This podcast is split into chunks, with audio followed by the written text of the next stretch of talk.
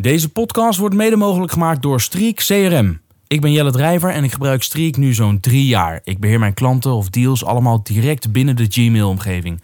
Dus nooit meer heen en weer tussen je postvak in en andere hulpmiddelen. Superhandig voor bijvoorbeeld verkoop, verhuur en ondersteuning. Daarnaast kun je alle e-mailcommunicatie rondom één project handig bij elkaar groeperen. Dus sneller en slimmer werken en het verzenden van herhaalde e-mails bijvoorbeeld met schablonen. Kortom, echt een aanrader. Probeer het gratis via jelledrijver.nl slash streak.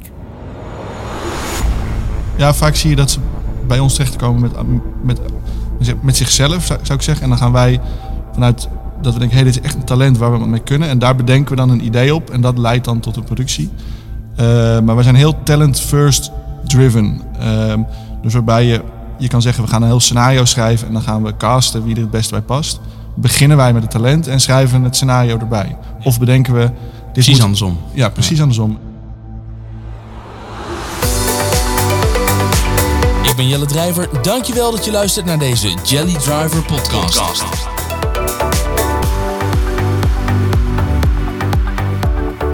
Jij bent met uh, auto, want je moet zo door naar Hilversum. Ja, klopt. Oké. Okay. En, en wat voor een auto rij je? Dit is eigenlijk meer even om te ja, ja. checken of je geluid uh, goed staat. Uh, Audi A3 e-tron. Oh, lekker. Maar nog, maar nog twee weekjes. Twee weken een andere. Wel weer elektrisch. Tesla, dus nu helemaal ah, elektrisch. De, de, de, de Model 3. Dik hoor. Met die enorme tv uh, op je dashboard. Daar kun je heel goed podcast op luisteren. Oh ja, dat er zit gewoon Apple CarPlay in. Ja, dus je kan tegen die tijd, nou een week of twee, ja, dat zal, uh, dat komt wel zo uitkomen. Dat je op weg naar eerste huis, podcast. Ja, je eigen eerste podcast ook meteen al uh, in je nieuwe auto kunt luisteren. Maar het is een beetje egotechnisch om in een nieuwe auto die eerste podcast die je dan zelf in zit, vind ik al een beetje too much hoor. Oh ja? Ja. Ja, ben je een beetje shy? Nou, van nature wel. Maar ik heb wel gemerkt dat het goed is om je daar overheen te zetten. Uh, omdat het je wel dingen brengt die je uh, anders niet had gekregen. Ja, life happens outside your comfort zone, zeggen ze wel eens. Ja, en ja. als je dat maar vaak genoeg doet, dan uh, wordt die outside your comfort zone steeds comfortabeler. En welk voorbeeld kun je noemen van een moment waarop je uit je comfortzone bent gegaan, waarbij dat iets moois gebracht heeft? Nou, heel onlangs uh, zijn we vanuit Newbie, of we, maar ben ik dus nu mee begonnen met een vlog begonnen bijvoorbeeld. En dat idee had ik al vorig jaar, of bijna anderhalf jaar geleden, om dat ik dacht, oh, het zou wel leuk zijn om gewoon wat meer te laten zien van wat we doen. In plaats van alleen maar persberichtjes te sturen van de producties die een soort eindresultaat hebben. En uh, we werken heel veel met, met, met YouTube-sterren. Ja. En dan dacht ik, ja, op zich, gewoon filmen wat we doen zou heel goed zijn. Maar niemand, niemand deed het en ik zelf ook niet. En ik, dat voelde heel oncomfortabel. Want ik dacht, als ik, niet, als ik het niet doe, dan gaat het er nooit komen. Zeg maar, ik moet daarin het, het voorbeeld geven of zo. En dat heeft uh, dus heel lang geduurd. En op een gegeven moment zei mijn collega en partner ook, Tarik, uh, zakelijk partner. Ja, ja, ja, voor de, verwarring. en um, uh, hou wel van hem trouwens hoor, maar wel zakelijk partner. En um, uh, die belde toen op, die zegt, ja, ik was op een set in Ibiza. En die zegt, ja, je, je moet daar echt filmen. En hij zei, ik zeg, ja, dat ga ik echt niet doen. En ik zei, anders stuur ik wel een cameraman erheen. Ik zeg, dat ja, gaan we helemaal nee, niet doen. Dat zonder gaat geld, ik ben een auto. Ja, ja, geld kost. Nou, film dan jezelf. En ik weet nog heel goed, ik was dus daar en toen dacht ik, s ochtends vroeg, ik denk, fuck it, ik ga het gewoon. Dus ik pak mijn telefoon en, en op zich, ik weet wel, zeg maar, op, op zich hoe je het moet doen. Als in, wat, ik kan het verschil zien tussen iets wat werkt en niet werkt. En dat voelde zo oncomfortabel. Maar tegelijkertijd aan het eind van die eerste take dacht ik, oh, was echt Viel best mee. Het was best stiekem nog. Ik vond het zelfs best leuk. Kijk. En, uh, um, en dat bracht ons in die zin op dat moment niks. Maar ik, het gegeven dat je dus iets heel oncomfortabel vindt, het toch doet en er dan plezier uit haalt, dat vond ik wel leuk. Wat goed, wat goed. Jij noemde net al even Newbie, jouw compagnon Tarik, maar wat is Newbie? Newbie is uh, producent, dus we ontwikkelen en maken films en series. Uh, het grote verschil is dat we geen traditionele tv-producent zijn, maar ons specialiseren in uh, ja, wat wij dan noemen on-demand platformen. En on-demand, dat was vroeger uh, voor ons heel erg YouTube georiënteerd. Uh, daarom zeg ik net al veel werken met YouTube-sterren. Ehm, maar inmiddels is dat heel erg gegroeid naar eh, SVOD. En SVOD staat voor Subscription Video On Demand. En voor de de, de Netflix, de, de Videoland, de, hoe heet het, Amazon. Amazon, binnenkort Disney Plus. Oh ja. Eh, ja, dus dat is echt eh, waar ik denk nu de grootste gedeelte van onze producties eh, op staan. En eh, ook waar we onze eh, groei uit, halen, denk ik. Dat is echt een, een, een nou ja, een, hoe lang bestaat dit bedrijf? Moet, laat ik dat eerst vragen. 2011 is volgens mij ons eerste boekjaar, zeg maar. Ja, ja. Ja. Maar, dat, maar dit is iets, het is een compleet nieuwe branche waar jullie al wel in zitten. Waarbij ik me afvraag hoeveel producenten van traditionele tv-programma's daar nu echt al op inzetten. Ja, het grappige is, dat de perceptie is dat dit iets heel erg nieuws is. En tegelijkertijd, wat mij betreft, is dat helemaal niet zo. Aan de ene kant niet met het soort producties die erop staan. Maar aan de andere kant, het is echt niet zo dat gisteren Netflix in Nederland is gekomen. Zeg maar. dat, die Nee, maar ik bedoel meer om als producent te zeggen, wij gaan ons volledig focussen, niet op tv, maar vooral op content creëren voor dit soort platformen. Ja, en eigenlijk is het, ik vind dat, eh, ik realiseerde me laatst dat wij de enige producent zijn die die specifieke focus hebben, ook naar buiten toe. Eh, hoe gek het is dat niet er nog meer zijn. Want alle groei zit daar, eh, de budgetten zitten daar, de kijker zit daar. Dus, Ik kijk bijna nooit meer gewoon, eh, hoe heet dat, eh, regulier tv. ja, dus hoe, hoe, en dan vraag ik me dus altijd af, wat gek eigenlijk dat we de enige zijn die zeggen wij hebben een, een SVOD specialisatie. Terwijl, nou ja, dus alle variabelen daar zitten. Ja. Dus Jullie doelgroep is een wat jongere doelgroep, hè? ja, jong vanuit een tv-kijk-perspectief. en tv bedoel ik dan lineair tv. Want daar is de gemiddelde kijker heel oud. Dat wordt zocht ik, lineair tv. Lineair tv, ja, ja. In filmtermen heet het free tv. Dat is nog een Oh. eh, term. Oké, Maar ehm, ehm, jonge doelgroep. nou ja, de- als je kijkt naar NPO 3, de, de jongere zender van de NPO, hebben onlangs weer allerlei nieuws over, is volgens mij de gemiddelde kijkleeftijd 47. En dat is oh dan ja? De, de, en volgens mij is die op Nederland 1. Zou me niet verbazen als die richting de 60 loopt. De gemiddelde kijker. Ja. Dus eh, jongeren zijn voor tv eigenlijk bijna... Ja, behalve kinderen dan. Die kijken nog wel heel veel tv. hè, eh, Nickelodeon en Zep. En, eh, Maar is daar ook. NPO Start, dus de, de, de, de on-demand, is dat daarin meegenomen? Ben ik dan meteen benieuwd? Dat ik kijk namelijk best wel veel programma's die ook op Nederland 1 en op, op of, NPO 1 en 3 worden uitgezonden. Maar nooit lineair. Nooit op de momenten waarop de zender besluit om het uit te zenden. Ja, ik weet niet of zij kunnen... Ik denk, ik vraag me af of die getallen daar... Ik denk niet dat die daar meegenomen worden. Ik, want ik kan me ook voorstellen dat de doelgroep die je nu noemt 47 plus, 60 plus, dat daar de doelgroep daaronder gewoon al bijna nooit meer op een. Op, ik, ik kijk nooit naar Floortje aan het einde van de wereld, om maar wat te noemen, op het moment dat het wordt uitgezonden op tv. Nooit. Altijd via NPO Start of eh On Demand dus. Ja. ja, dat maakt dat de lineaire kijker relatief oud is, denk ik. Ja. Ehm, en dus wij hebben eigenlijk onze focus op jonge doelgroepen zijn ehm, eh, eigenlijk reikt tot ongeveer 4, 35. Dus ik, ik ben zelf 34, dus ik zie mezelf nog wel redelijk als jong, hopelijk. Ehm, maar ik ben nog zelf wel doelgroep. 35. Nou, je bent nog net de doelgroep. En we groeien mee met de doelgroep. Dus eh, die, hij wordt steeds ietsje ouder. Dus wij worden ouder en de, onze doelgroep wordt ook ietsje ouder. Maar we doen ook heel veel producties voor echte kinderen. Dus we hebben een film tussen, eh, voor, die gericht is op meiden tussen de 8 en 12. We hebben een YouTube-platform voor jongeren tussen de 16 en 24. Ik denk dat dat ook wel heel erg 20, 34. eh, dat, dat soort doelgroepen zijn we echt waar we goed in zijn. Noem eens wat, wat hè, want je zegt we hebben een kanaal, maar noem eens wat namen. Waar, zou, waar kunnen we jullie van kennen? Nou, het ligt wel heel erg aan, aan wie je dit vertelt. Ik zeg altijd als je een, Ah, die doelgroep van 20 tot, van, van 16 tot, wat zei je? Eh, eh, vorig jaar hebben we voor Videoland bijvoorbeeld de Femke Louise documentaire gemaakt. Ja? Dat is wel veel bekeken en besproken eh, serie geweest. Zeker. Eh, in 2034 is voor ons, en dat hebben niet heel veel mensen gezien, maar wel ben ik zelf heel trots op, is Toon Ja, KPN. voor KPN. Heb ik ooit bij jullie nog eens een keer voor gecast. Dan ben ik nog een keer naar een casting geweest bij jullie in het oude kantoor. Om voor, nou niet voor de rol van Toon, maar eh, voor, volgens mij, er was toen een feestje en er was dan een ruzie of zo. Of iemand was jaloers, weet ik veel. Maar ik mocht daar dan een, eh, een rolletje spelen. Uiteindelijk is de rol iemand anders gegaan. Maar ik ben toen wel al een keer bij jullie op kantoor geweest. Oh, onwijs grappig. En, en, en daardoor ken ik Toon. En heb ik het daarna ook nog wel eens, eh, ik heb daar nog wel eens naar gekeken. Ja. Oh, wat leuk. Ja, dus ik dat is ken wel. aflevering 1, als ik je storyline...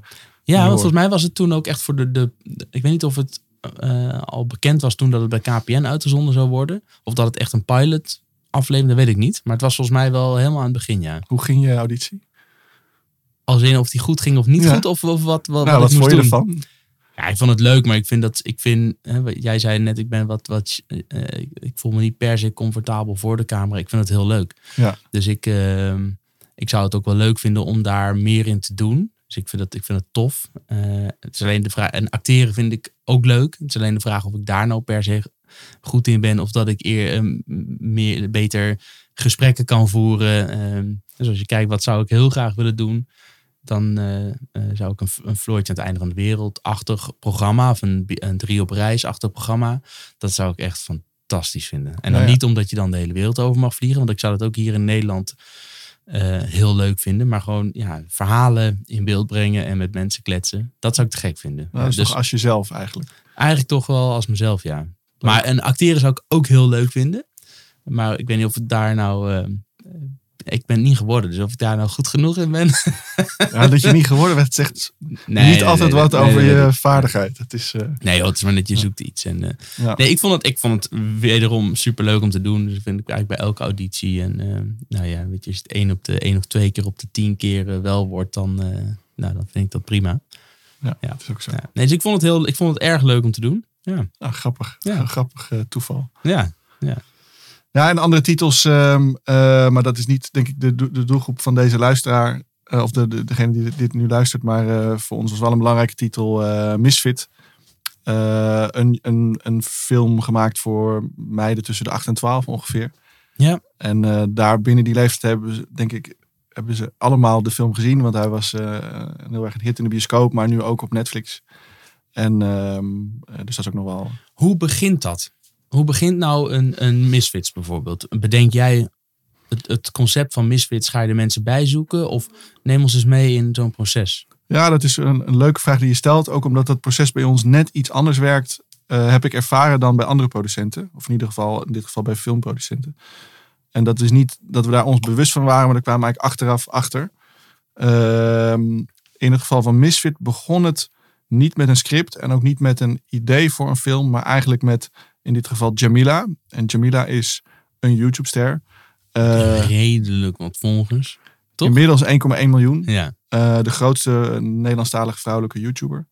En wij deden vanuit Newbie eigenlijk al heel lang haar management. Eh, dat is niet onze focus. We doen helemaal geen managements van andere sterren, zeg maar. Maar met haar hadden we zo'n goede connectie dat, dat dat over en weer heel goed werkte.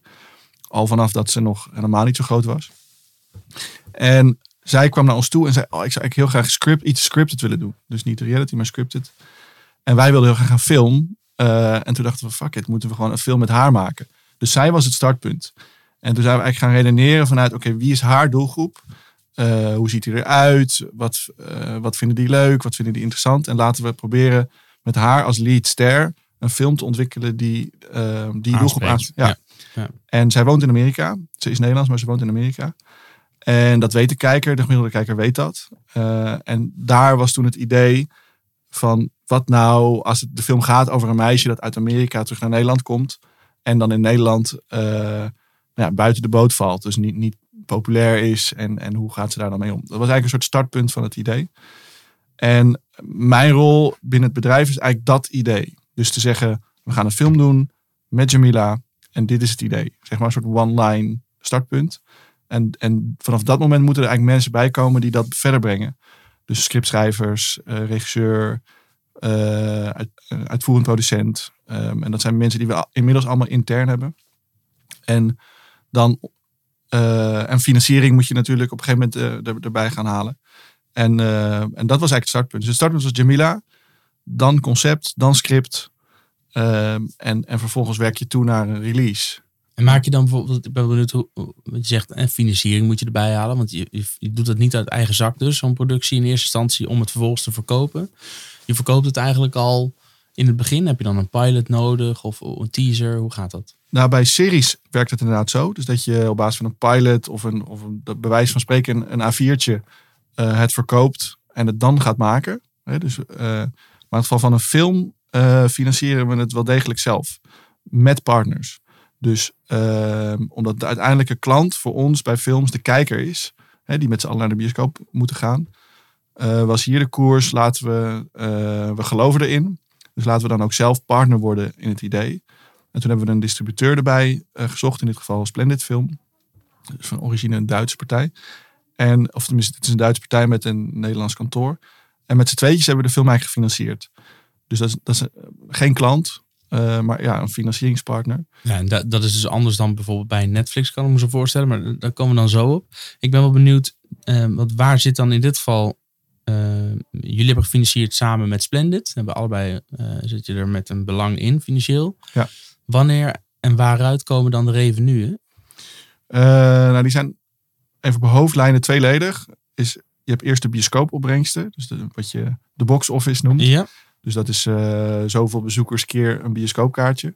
En daar krijg je dan een gedeelte een deel van. van. ja. Ja, en dan heb je daarna, wij noemen dat intern de secundaire exploitatie.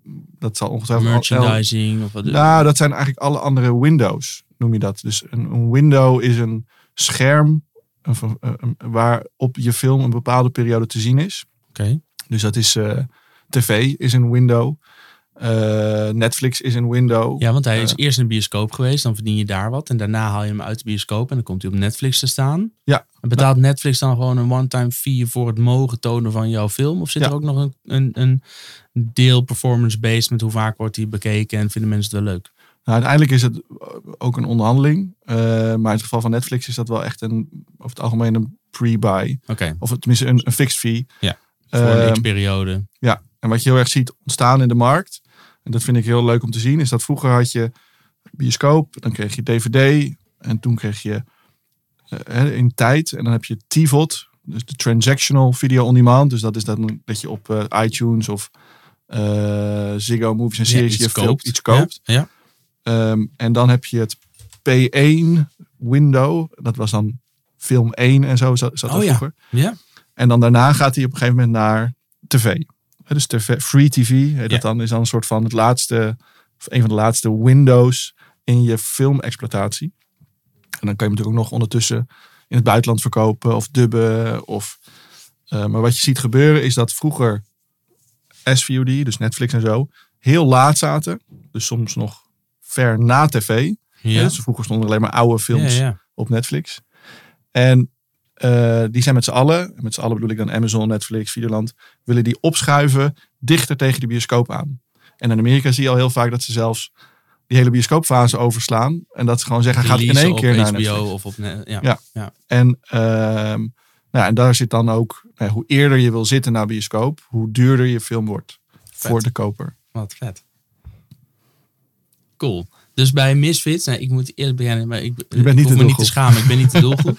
Maar bij Misfits is dus, het is begonnen met Jamila. Jamila die zei, ik, ik heb eigenlijk een idee, ik zou wat willen. Jullie hebben haar geholpen dat verder uit te werken. En dat is uiteindelijk een film geworden samen met een, eh, een, een producent of een distributeur moet ik zeggen. Jullie zijn de wij zijn de producent. producent, ja, ja. en zij zijn de distributeur. Wat doet dan zo'n distributeur? Is dat zeg maar wat een uitgever doet bij boeken, doen zij bij films? Ja, dat is een goede vergelijking. Dus zij zorgen ervoor dat de film uiteindelijk in de bioscoop te zien is. Eh, en daar hoort ook een stukje marketing bij eh, en promotie. Al, al doen we dat ook wel heel erg samen, omdat we als ehm, zeg maar, on-demand georiënteerde producent heel erg gewend zijn dat marketing een onlosmakelijk onderdeel is van je productie. Ja. Ik denk dat een gemiddelde, en dan scheer ik een beetje over één kam hoor, maar tv-producent gewend is om te zeggen: hier heb je mijn productie, televisiezender, Vermarkt het maar. vermarkt het maar. En eh, wij komen heel erg uit YouTube en dan ben je gewend, er, zit, er kijkt niemand. Dus je moet alles doen om ervoor te zorgen dat die nul kijkers, zeg maar een miljoen kijkers wordt. Ja, dan Eh. heb je natuurlijk in dit geval een hele slimme partner aan Jamila. Degene die met het idee kwam. Zij heeft natuurlijk, zij is al een merk en met een enorm bereik. En dat bereik is nog eens een keer verdubbeld of zo. Hè? Dus sinds uh, Ja. Misfits, als ik me niet vergis. eh, Ja, van zeker. 700.000 naar 1,1 miljoen. Ja.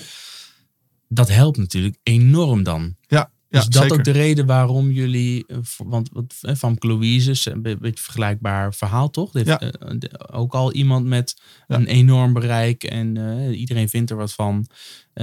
van fans tot, tot de haters enzovoort. Maar alhoewel, ze is al iemand. Ja. En die is bij jullie terechtgekomen om daar die documentaire over te maken. Ja, ja, vaak zie je dat ze bij ons terechtkomen met, met, met zichzelf, zou zou ik zeggen. En dan gaan wij vanuit dat we denken, hé, dit is echt een talent waar we wat mee kunnen. En daar bedenken we dan een idee op. En dat leidt dan tot een productie. Eh, maar we zijn heel talent first driven. Ehm, dus waarbij je, je kan zeggen, we gaan een heel scenario schrijven en dan gaan we casten wie er het beste bij past. Beginnen wij met het talent en schrijven het scenario erbij. Ja. Of bedenken we, Precies moet- andersom. ja, precies andersom. En, eh, het grappige is, ik moest vorige week, ik heb een dochter van zeven en ik had een gastcollege bij haar in groep 3B Ach, wat superleuk. over hoe maak je films. wat leuk. En toen had ik dus heel verhaal over, nou ja, je, je begint met een script en dan ga je de acteurs erbij zoeken. Maar wij, normaal werkt het zo, maar wij beginnen met de acteur. Of, en dan is bij ons vaak nog eens een keer niet een acteur, maar een, eh, een ander soortig talent. Ja. Waar- Die wil acteren. In Ja, en die ook kan acteren. Ja, Dus ja. dat je denkt, nou, die kan het wel. Ehm, dus we, het liefst hebben wij een startpunt met een talent. En we doen ook bijvoorbeeld een internationale televisieserie. eh, Over een on-demand serie. Eh, en dan beginnen we met een Amerikaanse eh, YouTube-ster.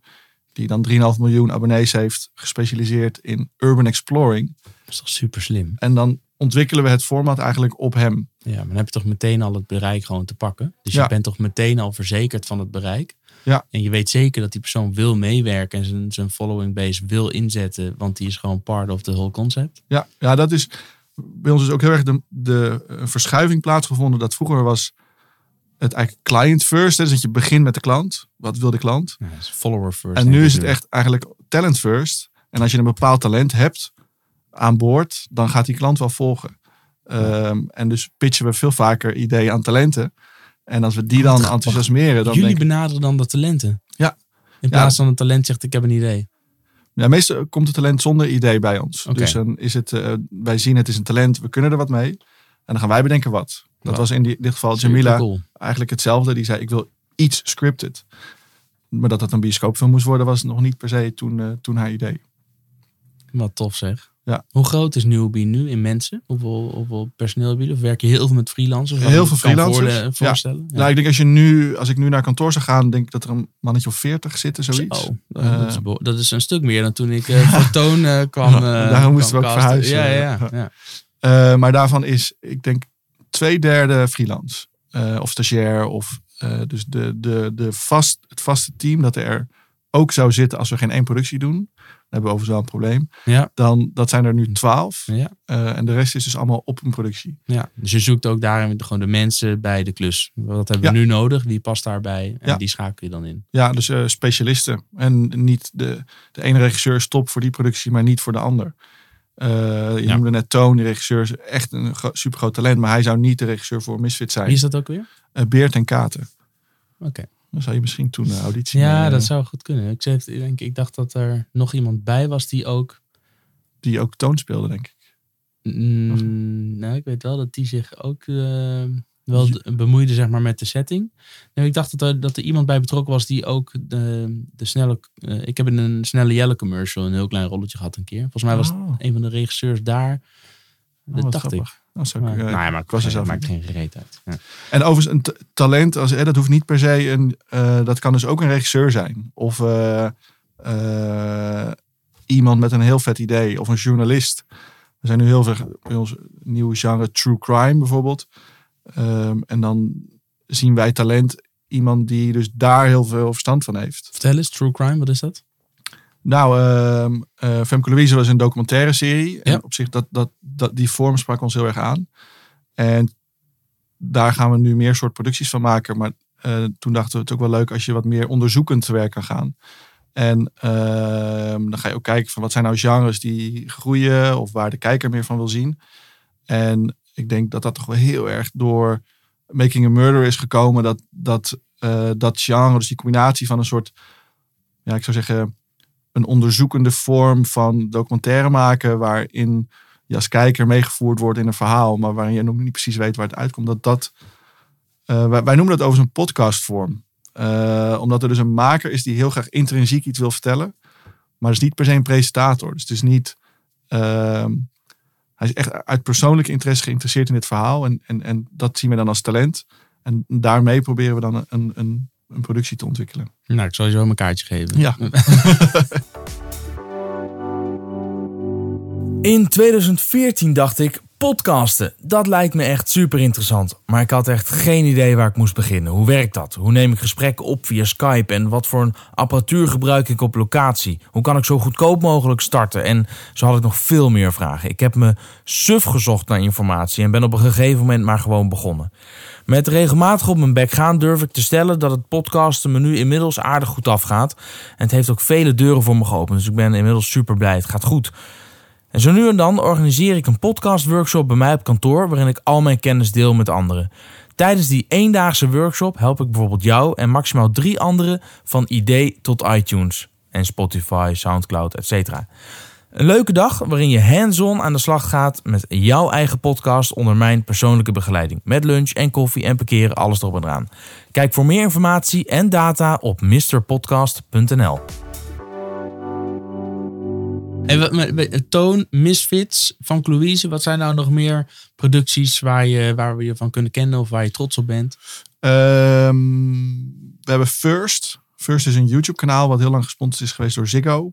Ehm, en dat is... ehm, Hoe gaat dat dan? Bedenken jullie first en kijken jullie of je het bij Ziggo, bij KPN of bij wie dan ook wegzet? Of komt Ja. een Ziggo bij jou en die zegt... Uh, beide kan.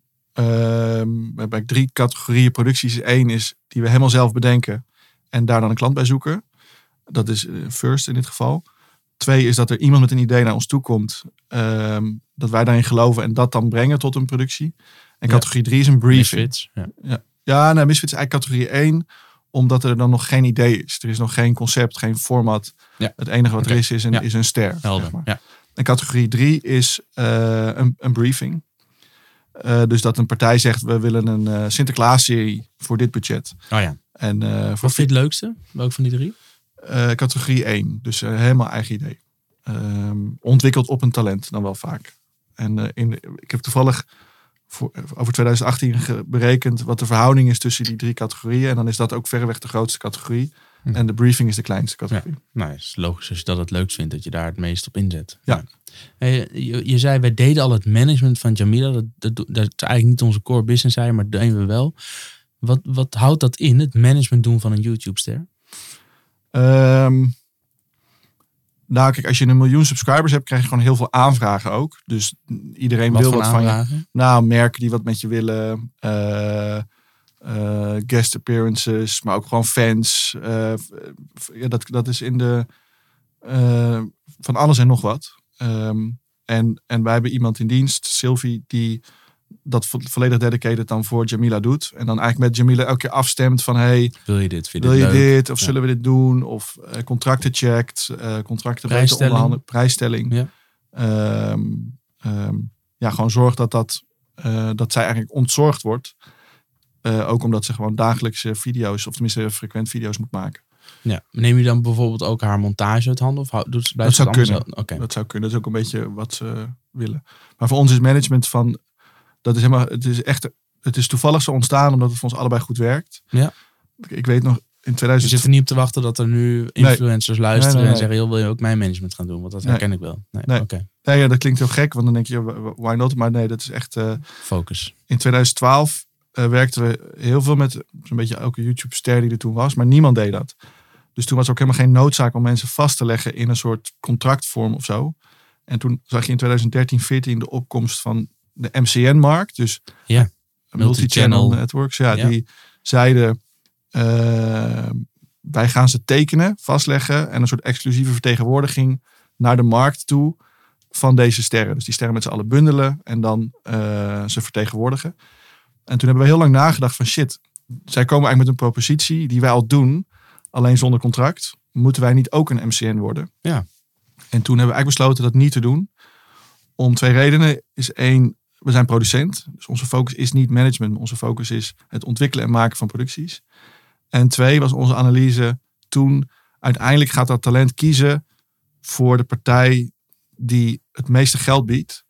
Ehm, en dat zijn wij niet. Dat zijn de grote partijen. Dat zijn de RTL's of de Talpa's van deze wereld. Die gaan later instappen. Die gaan meer geld bieden. En dat gaat het verdienmodel onder druk zetten. Waardoor de, de, de marge ook aan hun kant uiteindelijk heel klein wordt.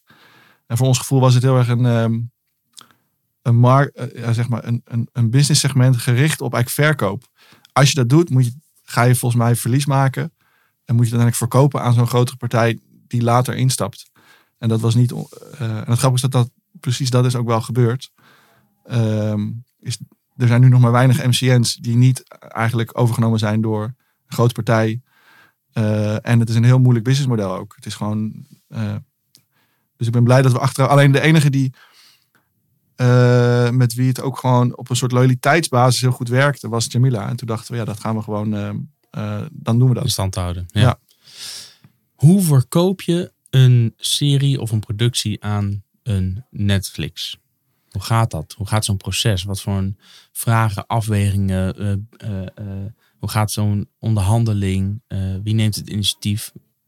Ehm, het begint bij ons met dat we een idee hebben. En het, wat we altijd heel snel al doen bij een idee, in welk stadium dan ook, is inschatten bij wie past dit heel goed. En dat heeft te maken met een soort gevoelskwestie. Ook, eh, maar ook met dat je uit de markt weet of van eerdere pitches hebt ervaren. Dit willen ze echt niet en dit willen ze echt wel. Dus het is een soort kennis van, van je klant. Ehm, en als je op een gegeven moment een productie hebt ontwikkeld, nou, of het nou een idee is of een heel script of welk stadium dan ook. En je denkt, wow, dit is echt een, is echt een Netflix productie. Het is al een ander soort productie als bijvoorbeeld een Videoland productie. Tuurlijk zit er overlap in die ze allebei zouden willen hebben. Maar je kan wel ergens op een gevoelsbasis zeggen, wow, dit zou echt goed bij hun passen. En als je er dan echt in gelooft, wij, wij pitchen heel weinig dingen bij heel veel partijen. We gaan altijd heel gericht op, denk dit is echt wat voor hun. En dan gaan we proberen alle tijd de moeite te steken in dat voor die partij dan ehm, eh, aan de man te krijgen. En wat je hoopt is dat je daar al een relatie hebt. Dus dat je weet wie erover gaat, hoe die te bereiken ehm, en eh, op wat voor manier je dat moet doen. Maar dat begint met dat je die relatie eerst moet opbouwen. Ehm, en nu in het geval van Netflix hebben we het voordeel dat Misfit was al een succes in de bioscoop. Toen kochten ze hem voor het platform.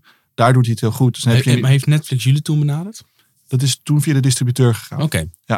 Alleen dan ben je op een gegeven moment wel de producent van die film die het op hun platform goed doet. Straalt ook weer Dan- af. ja, dat is makkelijker. Ja. Een mailtje sturen, zeg maar. Nou, op een gegeven moment weet je wie erover gaat. En heb je daar een relatie mee opgebouwd. Je weet wat diegene zoekt. Ja, dan is het een pitch. En eh wij proberen niet heel erg met hagel te schieten. Maar dan als je een pitch hebt. Die, zo vaak heb je die niet. Want iedereen wil pitchen. ehm, om dan heel gericht te zeggen. Dit, hier geloven wij zelf echt in. En niet make-believe. Maar echt, hier, dit, dit is echt iets wat we met passie willen maken. En hier geloven in dat het voor jullie gaat werken. Eh, en dat dan pitchen. Ehm, en dan hopelijk kan je dat enthousiasme overbrengen. Ja. Hoe doet eh, Misfits het op Netflix? Want was het bioscoop echt een hit. Ja, ook op. eh, kijk, je krijgt geen cijfers, dus ik kan het niet met cijfers staven. Maar ze beginnen wel te glimlachen als je het erover hebt. Ja, ja, ja. ze- En nou, ja, wat- ik altijd doe is dan. ehm, er komt 1 juli overigens nog een film van ons op Netflix. Ah, dus dat mag ik nog niet zeggen. Oh. Maar ehm, en Wanneer? 1 juli? Ja. Ik eh, vermoed dat deze podcast net daarna live gaat. Dus dan kom ik goed ah, weg. top. Ja.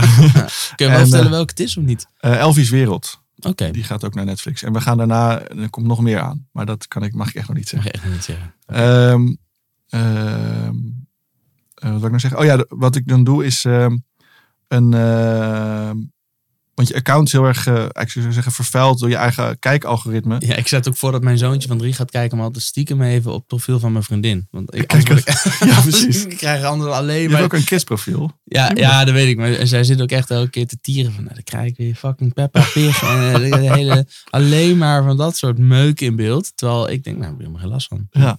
ja. Wat ik dan doe is een, een leeg account maken, dus waar nog niemand naar gekeken heeft. Ja? Eh, op, op wel een kidsprofiel. Ja. En dan kijken of die dan in trending staat. Ah, En daar heeft hij heel lang op nummer 1 gestaan. Dus toen dacht ik, nou, dus eh, geen slecht. gaan, eh, gaan goed. Maar goed, Maar je- dus je ik heb geen één- cijfers. Nee, maar krijgt dus één... eh, zij kopen hem af. Voor een bepaalde periode. Ja. Dus eh 12 En, eh, hoe voelt dat voor jou als ondernemer? Vind je dat oké? Is het zo van, joh, het zal me echt... eh, Natuurlijk hoop ik dat die heel goed gaat, maar ik vind het ook, ja, het is prima. Of denk je dan, als je hem heel lang op, op nummer 1 in trending ziet staan, gaat het dan wel eens jeuken? Ik denk, fuck, we hadden toch iets performance-based ook in moeten bouwen of zo. Of kun je dat loslaten? Eh, nee. nee, denk ik niet. Nee, ik denk voor ons is scoren, zeg maar, dus dat er heel veel mensen naar kijken, echt in het DNA van het bedrijf. Dus ik heb, ik zeg altijd, het klinkt een beetje stommig, maar ik heb echt veel liever veel kijkers en een slechte recensie dan geen kijkers en een goede recensie.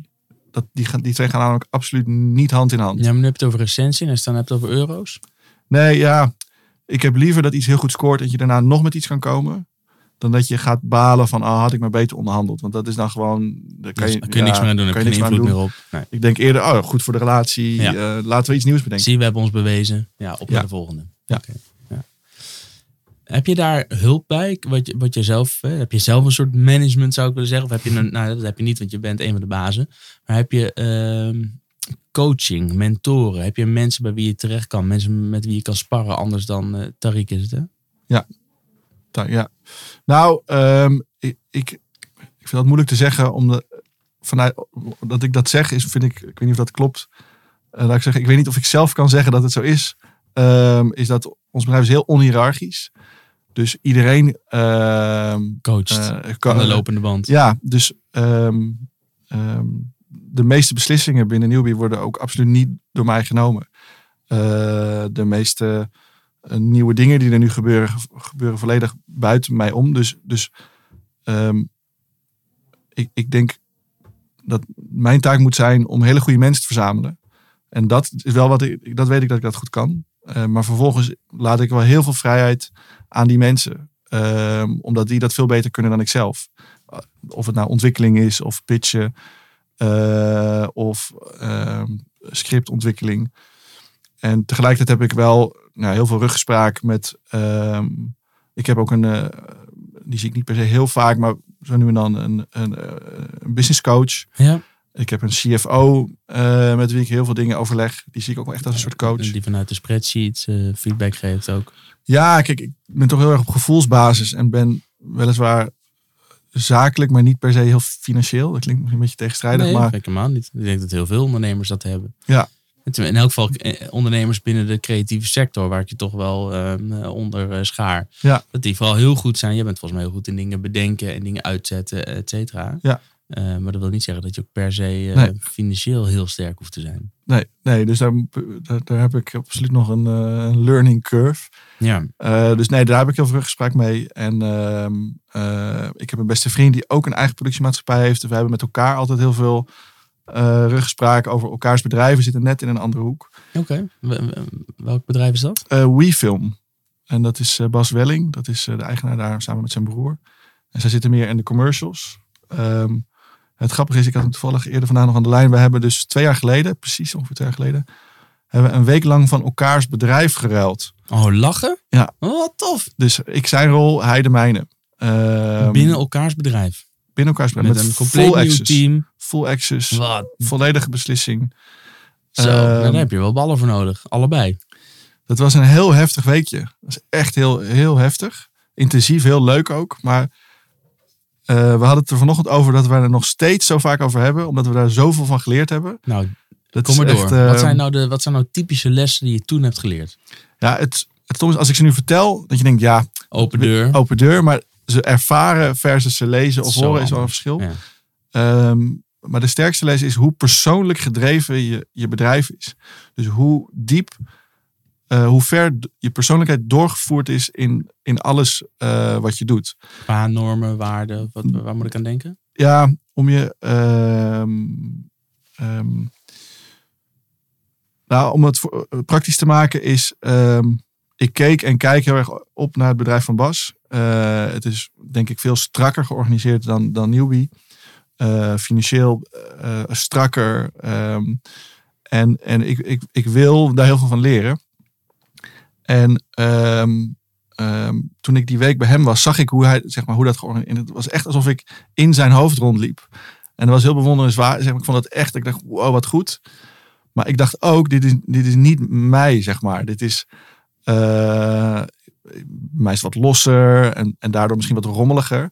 Eh, Maar daar gedij jij heel goed bij. daar gedij ik dan weer goed bij. En er ontstaan dan, nou, soms nemen we wat grotere risico's, maar daar zitten ook weer, nou, soms dan grotere upsides in. En zo merk je dus eh, dat dat zit hem zowel in het soort mensen dat je om je heen verzamelt, als hoe je je kantoor inricht, als. ehm, en ik denk, we hebben allebei absoluut dezelfde normen en waarden. Dus we vinden hetzelfde goed en fout, mooi en lelijk. Ehm, maar de, de, de weg erheen en de manier waarop en de tone of voice waarmee, die is hier dus mega persoonlijk. En, en wat ik daar wel eens confronterend in vind, is als ik zelf bijvoorbeeld minder lekker in mijn vel zit. Of als ik zelf, eh, dus kleine dingetjes, gewoon hele persoonlijke dingen. Dat ik ook kan zien dat die zijn weerslag hebben eh, op hoe het gaat. En dat is best wel eens heftig, dat je denkt, wow, fuck. Ehm, ehm, Het doet iets met je hele bedrijf. Of jij Ja. wel of niet een glimlach hebt. Of dat je zagrijnig bent Ja, en slecht geslapen hebt. et cetera. Exact, ja. ja het straalt En dat, is, eh, en dat klinkt dan, ter- terwijl mijn rol echt ook, zeg maar, klein is. Het is helemaal niet zo dat ik veel overal bij betrokken ben en helemaal niet. Veel beslissingen, dat valt heel erg tegen. Of mee, ik leren delegeren in de loop der tijd. En, ehm, eh, en toch heeft het effect. Volgens mij moet, als je zo'n experiment doet, wat jullie gedaan hebben, een week lang ruilen van bedrijf, moet ook de insteek zijn dat je, eh, dat denk ik hoor, kijkt naar hoe doen zij het en wat zou ik daar wel van mee kunnen Ja. nemen. Mensen hebben nog wel eens een neiging om bij alles wat er op ze afkomt, dat te plaatsen bij dat wat ze toch al weten of waar ze het niet mee eens zijn. Ja, en als je met zo'n bril op naar eh, eh, zo'n experiment gaat, dan zul je per saldo niet zo heel veel leren. Maar wat zijn, nee, je zei, eh, financieel bijvoorbeeld veel beter gestructureerd of strakker, noemde je het. Wat zijn nou dingen die je hebt meegenomen, die je bij Bas hebt gezien, waarvan je denkt, oké, maar daar, ik wil toch kijken, hoe gaan wij dat in ons bedrijf wel ook wat meer doen? En vice versa, wat heeft hij bij jou gezien? Ehm, ehm, ja, het is inmiddels twee jaar geleden. Dat is, grappig is dat dat dus minder is bijgebleven. Wat er is bijgebleven is eigenlijk een reflectie op wat je zelf al deed. Meer nog dan wat kan ik leren van de ander. Is het geen Ehm, gemiste kans om het op die manier te zien? Nee, want we gingen er precies in zoals jij het nu schetst. Ik wil drie dingen eruit halen die ik van jou kan leren. We gingen ook, hebben elkaar ook advies uitgebracht. Het is een soort document van eh, dit zou ik wellicht zou, anders wellicht overwegen. of- ja. Suggestion. ja, ja, have you considered... Ehm, ehm, en terwijl nu twee jaar later, ik denk wat me echt is bijgebleven, is dus meer de reflectie terug. Dan, dan wat zou ik dus meenemen van hoe hij het deed. Ook omdat je dus merkt dat dingen die hij dus heel goed doet, en voor mij niet zouden werken. Gewoon omdat ik een, uiteindelijk toch iemand anders ben. Ja, dus de bevestiging dat je eigenlijk een super relaxed, leuk, goed bedrijf hebt opgebouwd. Wat goed bij je voor past. jou. Voor jou en je team. Dat is natuurlijk ook wel heel veel waard. Ja, en, en de losse van dat je denkt, ja shit, we moeten, we moeten op een andere manier hetzelfde eindresultaat zien te bereiken. Wat deed je voor Newbie? Eh, ik ben altijd ondernemer geweest. Ehm, en eh, heb verschillende bedrijfjes versleten voor die tijd. Ooit begonnen met een castingbureau voor figuranten. Hmm. Tijdens mijn studie. Eh, tijdens de media en cultuur. En dat was in 2005. Dus was ik nog 19, heel jong. En, ehm, en, en daarna, ik zou zeggen, doorgegroeid tot, eh, tot om iets te vinden wat ik echt heel leuk vind en vond. En dat, dat is eh, toch het ontwikkelen en maken van producties gebleken. Ja.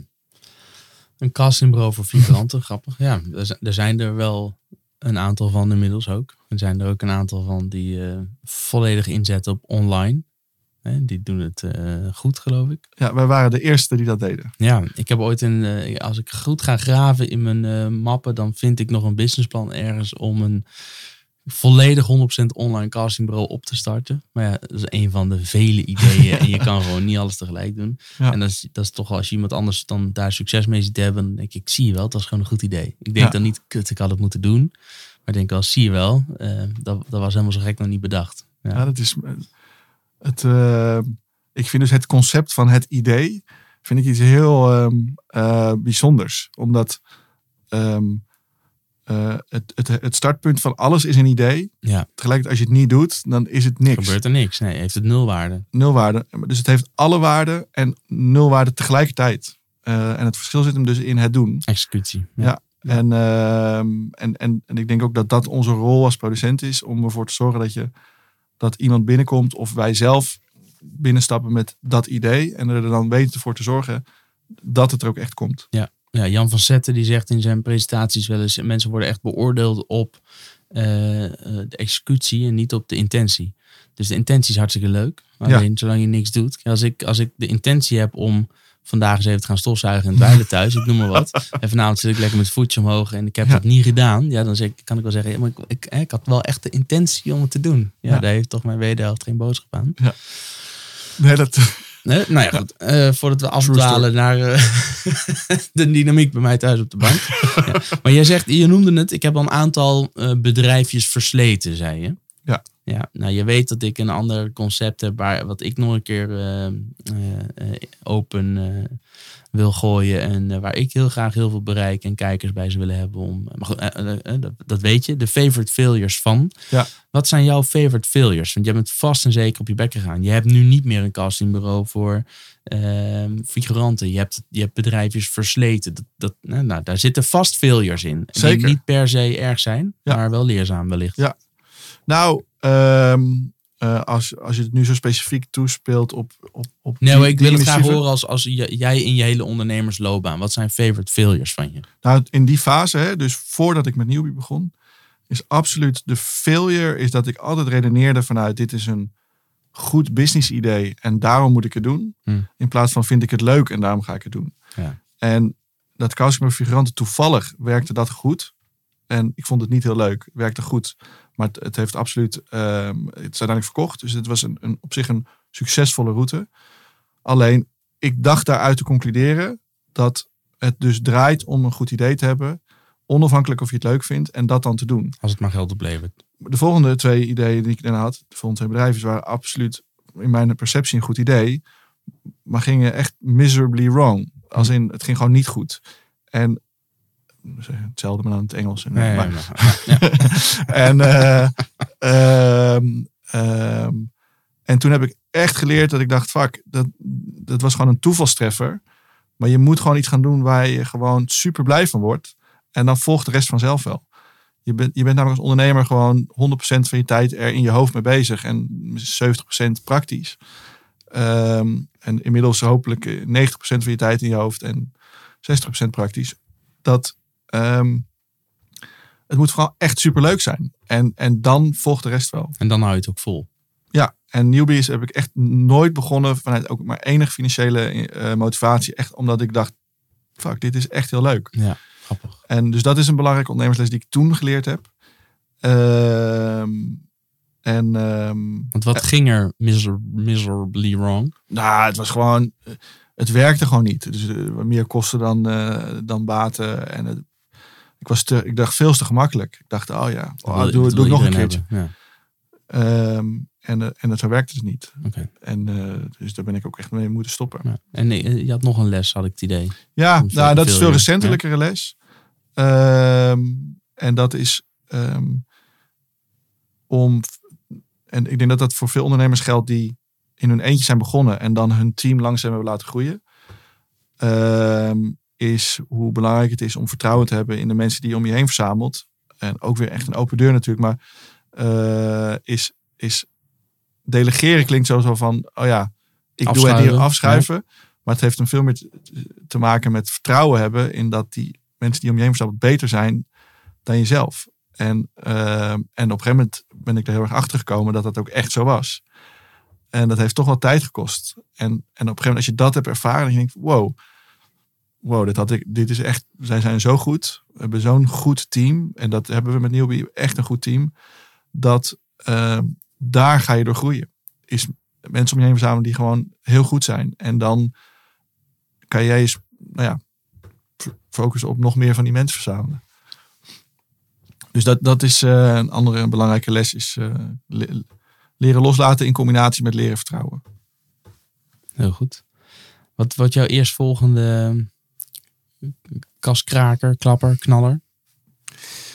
Ehm nou, Misfit 2 komt eraan eind september. Ook weer met Dat- Jamila? Ook weer met Jamila. Dus dat, dat wordt zeker een hit. Nou, dan ben ik even over favorite failures gesproken. Dan ben ik even benieuwd. Want ik heb, ik, ik, ik eh, eh, denk dat heel veel luisteraars dat herkennen. Dat lijkt me zo lastig om een deel 2 te maken van een succes. Mm. Ik heb, er zijn weinig films waarvan ik het, de, de deel 2 beter vond dan deel 1. Ja, dat is ook eh, moeilijk om er nu wat van te zeggen. Maar het is een uitdaging. Ja, zeker. Want ik, kan, ik heb wel eens bij sommige eh, producties het gevoel dat de deel 2 of 3 of 4 of 5 er alleen maar is gekomen omdat eh, deel 1 zo succesvol waren dat mensen toch nieuwsgierig zijn naar wat wordt dan deel 2. Maar dat, ja, dat het vertrouwen dat er toch wel heel veel mensen naartoe zullen gaan. Ja. ervoor zorgt dat het, nou ja, dat het verhaal wat minder sterk hoeft te zijn of zo. Ja, ik vind het moeilijk om daar nu wat over te zeggen, omdat er gewoon nog, te, we zijn nog te vroeg in het stadium. Ik heb nog geen edit gezien. Dus ik kan nog niet zeggen. Of die beter Of die wordt. beter maar je kan wel vertellen wat je doet en hoe je ervoor zorgt draagt dat deel 2 ook niet alleen een succes wordt omdat één een succes was, maar omdat het gewoon echt een fucking goede productie is. Nou, in één hadden we sowieso heel veel learnings. Dus er waren gewoon heel veel dingen die ik, die ik nu kan zeggen, die waren niet goed genoeg.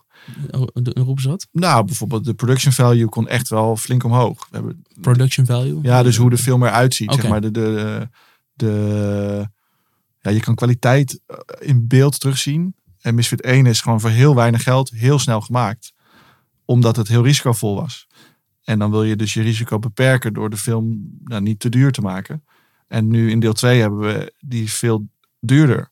Ehm, en daarmee hoop je ook dat die mooier wordt. En dat de kijker dat heel erg terugziet. En wow, dat is wel echt een, een, een, een volgende stap in hoe het eruit ziet. Tegelijkertijd is de realiteit dat die doelgroep waar we op richten, kijkt niet daarnaar. Die kijkt toch gewoon naar verhaal en cast. Ja, want op YouTube is het allemaal bij lange na niet perfect over het Nee, algemeen. nee, die authenticiteit is ook heel belangrijk. Dus dat is een hele moeilijke balans. Ehm, maar de film is absoluut rijker, zeg maar. Dus dat, dat kan ik eh, sowieso zeggen. En het grappige is, we hebben Misfit 1 ook eh, ge- geremaked. Geremaked, dat woord. Ja, ja. Dus ehm, eh, voor andere landen opnieuw gemaakt. En dan in dat land opnieuw in de bioscoop. Hij is in Duitsland en Oostenrijk bijvoorbeeld. hebben we de, dus de Duitse remake van Misfit. Die hebben we gewoon in Nederland met Duitse acteurs gemaakt. Oh ja? En dan is, kan je, In Duitsland kun je toch gewoon dubben? ja, een film kan je dubben. Maar omdat de film gebouwd is op lokaal populaire sterren. Moet je Meerdere sterren. ja, Ah, wil je in het land, in een ander land, wil je eigenlijk met, met de sterren daar Ja. hetzelfde verhaal Oh, vertellen. grappig. En, ehm, en dan zie je dus deel eh, Misfit Nederland en Misfit Germany naast elkaar. Zelfde locaties, zelfde crew, andere cast. Alles opnieuw gedaan? Of zijn er ook Alles. scènes die Nee. gewoon eh Nee, helemaal opnieuw. hebben kunnen hergebruiken? Maar je kan bijvoorbeeld, als je de twee trailers naast elkaar ziet, die zijn vrijwel identiek. Alleen dan dus met een andere, Andere acteur. tegenspelers. Ja, Oh. Dus echt geformat. Hè? Dus als je The Voice in verschillende landen, het ziet er hetzelfde uit, is deze film ook echt een format. Het is, het is, het is echt een formatfilm. En, ehm, en daar kan je dan veel specifieker vergelijken. Ehm, van wat is nou het verschil tussen deel 1 en deel 1 in een ander land, waar je dus ook de learnings hebt mee kunnen nemen. Wat lachen zeg. Misfit Polen komt er nu ook aan bijvoorbeeld. Jeroen, mag ik jou ontzettend bedanken voor je komst. Eh, te gek dat je er was. Ik heb natuurlijk nog één laatste vraag. Want ik weet wat jij doet en jij weet nu een beetje wat ik doe en wat ik, wat ik leuk zou vinden. Heb jij voor mij nog tips? Voor jou tips. Ja, als ik, als ik, als ik mijn YouTube-kanaal. eh, wat moet ik doen om op een gegeven moment voor newbie interessant genoeg te worden om te zeggen: joh, maar wij moeten eens een keer met elkaar praten en kijken of we iets kunnen produceren samen. Nou, laat ik beginnen met, ik vind dat je dit heel goed doet. En het hele traject, ik niet alleen dit interview, maar het traject van in- uitnodiging tot hierheen komen en hoe, hoe dat helemaal ging. Ehm, ehm, en ook de video's die je hebt laten zien, is voor, mij, voor mijn gevoel heb je heel erg een passie in, ehm, in toch ondernemerschap. Zeker. En, en voor, voor ons ben je interessant als je eigenlijk met een idee zou komen of vanuit die passie iets zou laten zien wat heel erg matcht met dat. Kijk, Als je nu met een idee komt wat heel ver daarbuiten staat, dan is het gewoon een idee. Maar als jij met een idee komt wat helemaal op die passie gebouwd is, Ja, zoals die favorite failures, Ja, waarbij ik in gesprek ga met. eh, want dan geloof ik ook echt dat het van jou is. En dan ben jij van toegevoegde waarde op dat idee. Want gewoon een leuk idee, die heeft, die heeft iedereen, helaas. Eh, er zijn duizend leuke ideeën, maar er zijn maar heel weinig leuke ideeën die ook gekoppeld zijn aan iemand die daar. Ik geloof heel erg in een intrinsieke motivatie. Dus dat jij, waarom kom jij daarmee? Wat is jouw energie erbij? En, en eh, nou, dus op dat moment ben je nu al heel interessant als het dus zo'n soort idee is. dankjewel. Jelly Driver Podcast. Je hebt hem weer achter de kiezen, deze aflevering van de Jelly Driver Podcast. Vond je het leuk? Laat een positieve review achter op iTunes. Dat vind ik dan weer leuk. En wil je meer? Abonneer. Voor meer informatie over mij en mijn podcast kijk je op jelledrijver.nl. Dankjewel voor het luisteren en tot de volgende podcast.